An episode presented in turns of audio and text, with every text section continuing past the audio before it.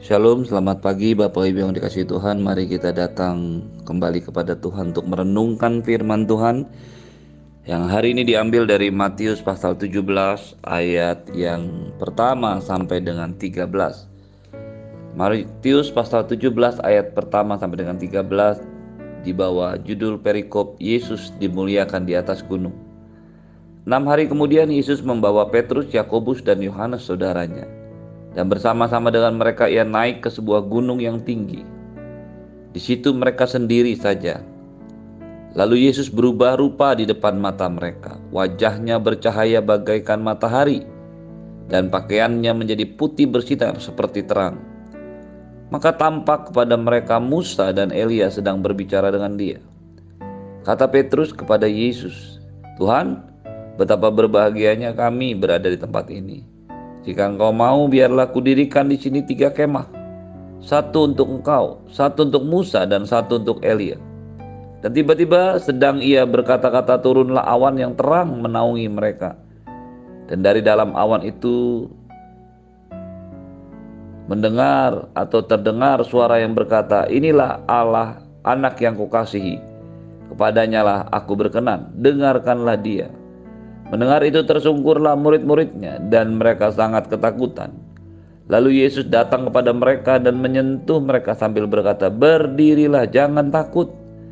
Dan ketika mereka mengangkat kepala mereka tidak melihat seorang pun kecuali Yesus seorang diri.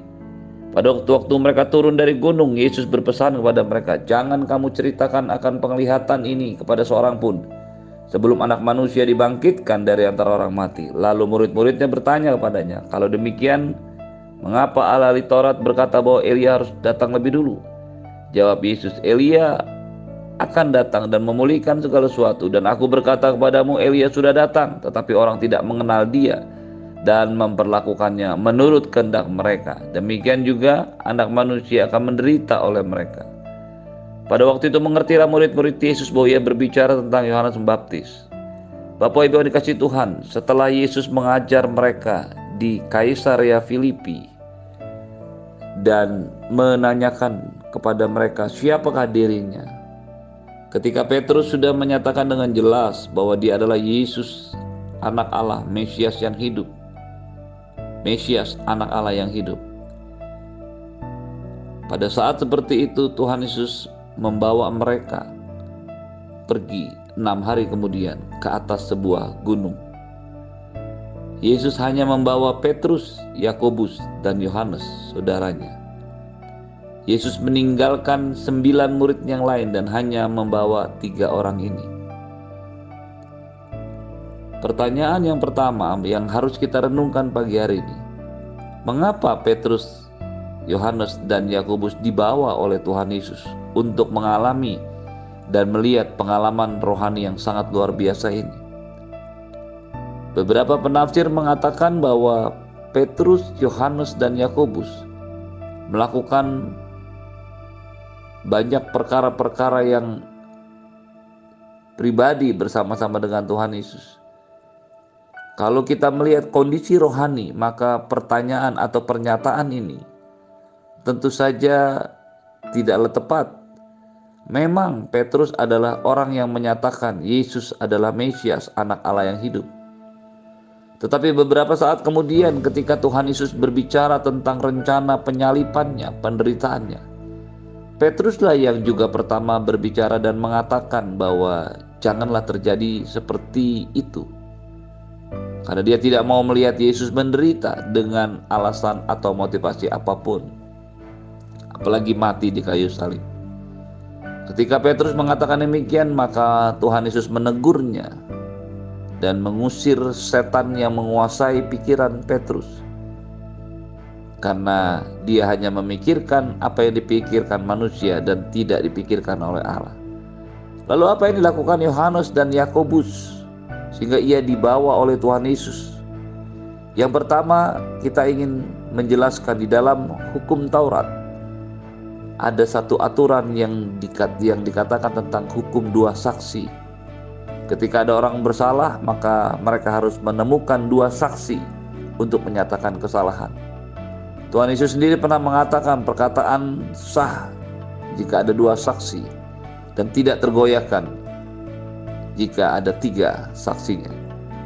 Dari sini kita mengerti bahwa Tuhan Yesus ingin memastikan peristiwa apa pun yang dialaminya, yang diperlihatkannya, itu disaksikan dan disahkan dan tidak terbantahkan karena dia membawa serta ketiga muridnya. Jadi mengapa mereka bertiga dibawa oleh Tuhan Yesus?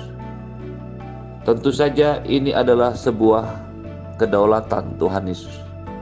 Tentu saja ini merupakan pilihan dan pastinya ada pertimbangan untuk membawa ketiga orang ini dan meninggalkan sembilan orang yang lainnya.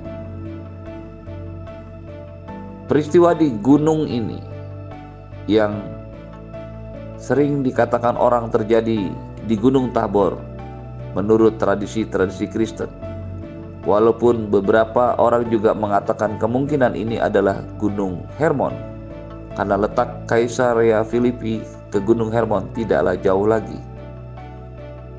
Bapak Ibu dikasih Tuhan, tetapi Alkitab hanya mencatat tempat di mana peristiwa ini terjadi adalah sebuah gunung yang tinggi. Mengapa atau apa yang terjadi di sana? ketika Tuhan Yesus bersama-sama dengan murid-muridnya, ketiga muridnya ini. Ya sudah sampai mereka sudah sampai di sana. Tuhan Yesus berubah rupa. Kata berubah rupa berasal dari bahasa Yunani, metamorfoo. Dari kata metamorfoo ini muncul kata metamorfosa. Apakah metamorfoo atau metamorfosa ini? Adalah sebuah perubahan bentuk dari satu bentuk ke bentuk yang lain. Ketika Tuhan Yesus berubah, maka sebenarnya yang terjadi adalah perubahan. Perubahan yang seperti apa? Kita mengenal Tuhan Yesus adalah pribadi yang 100% manusia dan juga 100% Tuhan. Ketika ia melayani, ketika ia mengajar, ketika ia hidup di dunia ini, jelaslah bahwa dia 100% manusia karena ia makan dan minum bertumbuh besar seperti manusia pada umumnya. Tinggal bersama dengan orang tua yang mengasuhnya. Dia melayani dan mengajar seperti manusia dan memang manusia. Dia melakukan mujizat dengan kuasa Allah tetapi tetap dalam kemanusiaannya.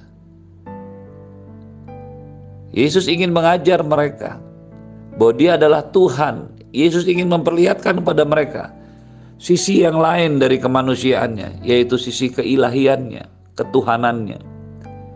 Itu sebabnya Bapak Ibu sekalian, dia perlu memperkenalkan dirinya sebagai Tuhan pribadi yang betul-betul Allah. Karena hanya Tuhanlah yang bisa berubah rupa. Karena hanya Yesuslah yang bisa memperlihatkan perubahan itu, sisi manusia dan sisi ilahi ketika ia berubah rupa. Wajahnya bercahaya seperti matahari dan pakaiannya menjadi putih bersinar seperti terang. Ketiga muridnya melihat apa yang terjadi dan ini merupakan perkenalan awal yang dilakukan oleh Tuhan Yesus sebagai Tuhan yang kemudian juga akan diperlihatkan dengan cara yang sama kepada Yohanes Yohanes di Pulau Patmos ketika ia diberikan inspirasi untuk menuliskan kitab Wahyu. Dengan tidak ragu-ragu lagi, Yohanes yang pernah melihat Yesus dalam kemuliaan Tuhan menuliskan di dalam kitab Wahyu, dia melihat anak manusia itu. Karena apa yang dia lihat di Pulau Patmos merupakan pengulangan dari apa yang dia lihat di atas gunung tinggi ini. Bapak Ibu yang dikasih Tuhan, ketika Tuhan sedang melakukan sesuatu dalam hidup kita. Ada kalanya kita tidak mengerti apa yang Tuhan sedang kerjakan, tapi percayalah, Dia merencanakan dengan indah, tepat, dan presisi secara akurat apa yang Tuhan mau kerjakan dalam hidup kita.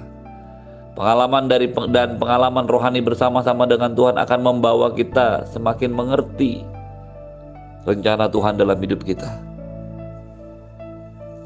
Ketika Petrus melihat ada Elia dan Musa berbicara tentang dia, Dia lalu berkata, Tuhan, betapa berbahagianya kami berada di tempat ini. Jika engkau mau, biarkanlah aku dirikan di sini tiga kemah, satu untuk engkau, satu untuk Musa, dan satu untuk Elia. Petrus melihat Musa dan Elia. Musa dan Elia adalah gambaran daripada apa yang Tuhan lakukan buat bangsa Israel. Musa adalah orang yang ditunjuk Tuhan untuk menurunkan, menyatakan, mengajarkan hukum Taurat. Sepuluh perintah Allah.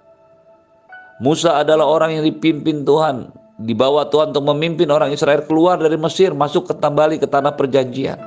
Seperti yang dijanjikan Tuhan kepada Abraham. Musa adalah gambaran hukum-hukum Tuhan. Sedangkan Elia adalah nabi yang dihormati oleh bangsa Israel. Elia adalah orang yang dipanggil Tuhan untuk membawa kembali orang Israel ke dalam hidup rohani yang setia kepada Tuhan. Elia adalah orang yang dipanggil Tuhan untuk memulihkan pertobatan bangsa Israel kembali menyembah Tuhan dan tidak menyembah Baal. Bapak Ibu yang dikasih Tuhan, ketika Musa dan Elia berbicara tentang Tuhan Yesus, berbicara dengan Tuhan Yesus, dia berbicara tentang Exodus di dalam kitab Lukas dan kitab Markus dituliskan bahwa dia atau mereka berbicara tentang kepergiannya. Dengan ini Tuhan Yesus ingin memperlihatkan kepada mereka bahwa apa yang diajarkannya sebelumnya bahwa dia harus menderita di Yerusalem dan mati di Golgota adalah sebuah peristiwa yang disahkan oleh Tuhan dinyatakan iya karena pada waktu itu dua saksi Musa dan Elia meneguhkan dan menyatakannya kembali. Semua yang dikerjakan Tuhan begitu teliti dan tidak pernah ada yang salah. Dia tidak pernah meninggalkan hukum-hukumnya. Dengan ini dia juga ini menyatakan bahwa apa yang tertulis di dalam hukum Taurat tentang hukum dua saksi itu tidak dilanggar oleh Tuhan, tetapi justru digenapi. Pemahaman yang benar akan hukum Taurat akan membawa kita mengerti bahwa apa yang dituliskan dalam hukum Taurat itu digenapi dalam diri Tuhan Yesus dan juga harus digenapi dalam diri dan hidup kita. Ketika Petrus melihat ketiga orang ini berbicara, dia berpikir mereka adalah pribadi yang setara. Itu sebabnya dia mendirikan, dia bermaksud mendirikan tenda. Satu untuk Yesus, satu untuk Musa, dan satu untuk Elia. Hal ini yang menjadi dasar dari sebuah gereja yang dibangun di atas Gunung Tabor yang punya tiga tempat ibadah di tengah, di kanan, dan di sebelah kirinya. Tetapi ketika Petrus dalam ketidakmengertiannya menyamakan kesetaraan Yesus dengan Musa dan Elia, tiba-tiba terdengar suara, Inilah anakku yang kukasihi, kepadanya lah aku berkenan, dengarkanlah dia. Dengan ini Tuhan ingin menyatakan bahwa Elia dan Musa menjadi saksi dari keberadaan Tuhan Yesus. Tetapi yang harus didengarkan adalah Tuhan Yesus sendiri. Karena dia adalah pribadi yang berkenan kepada Allah. Pribadi yang menyerahkan dan mengorbankan dirinya. Pribadi yang membuat dosa-dosa Anda dan saya ditebus, dihapuskan. Pribadi yang membuat Anda dan saya juga berkenan kepada Tuhan. Bapak Ibu yang dikasih Tuhan, ketika Tuhan menyatakan dirinya, kembali kita harus ingat bahwa Yesuslah pokok daripada hidup kita. Menurut apa yang dikatakan, apa yang disaksikan oleh Petrus, Yohanes, dan Yakobus, kita melihat bahwa perkenanan Allah hanya kepada Yesus.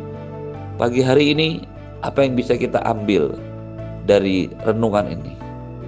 Yang pertama, kita harus mengerti bahwa apa pun yang Anda dan saya kerjakan bersama-sama dengan Tuhan, Tuhan akan hargai. Mengapa Tuhan Yesus membawa Petrus, Yakobus, dan Yohanes ke atas gunung? Pastilah ada sesuatu yang menjadi pertimbangan Tuhan Yesus.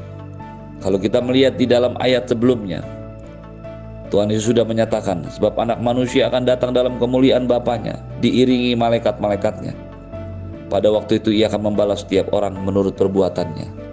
Ketika ia mengatakan demikian, ia membawa Petrus, Yakobus, dan Yohanes ke atas gunung untuk melihat dia berubah rupa. Dari sini kita mengerti Bapak Ibu sekalian yang dikasih Tuhan, bahwa apa pun yang Anda dan saya kerjakan untuk Tuhan, kepada Tuhan, buat pelayanan Tuhan, buat pekerjaan Tuhan, buat orang-orang yang Tuhan tetapkan dalam hidup kita, Tuhan akan menghargainya. Pastikan Anda dan saya mengalami pengalaman-pengalaman rohani bersama dengan Tuhan. Yang kedua, kita mengerti bahwa Yesus adalah Tuhan dan Yesus adalah manusia. Kita harus mengenal, kita harus melihat Yesus dalam keberadaannya sebagai Tuhan. Dengarkanlah dia. Pagi hari ini biarlah hidup Anda dan saya terus berada dalam rencana Tuhan, mengikuti kehendaknya dan berjalan menurut rencananya. Terimalah berkat yang berlimpah-limpah dari Bapa di surga, cinta kasih dari Tuhan Yesus, penyertaan yang sempurna daripada Roh Kudus menyertai hidupmu hari ini dan sampai selama-lamanya. Dibungkus dengan darah Yesus, tidak ada sakit penyakit, bakteri, virus, bakteri apa pun yang menyentuhmu. Semua aman bersama-sama dengan Yesus. Semua yang percaya katakan amin. Shalom Tuhan Yesus memberkati.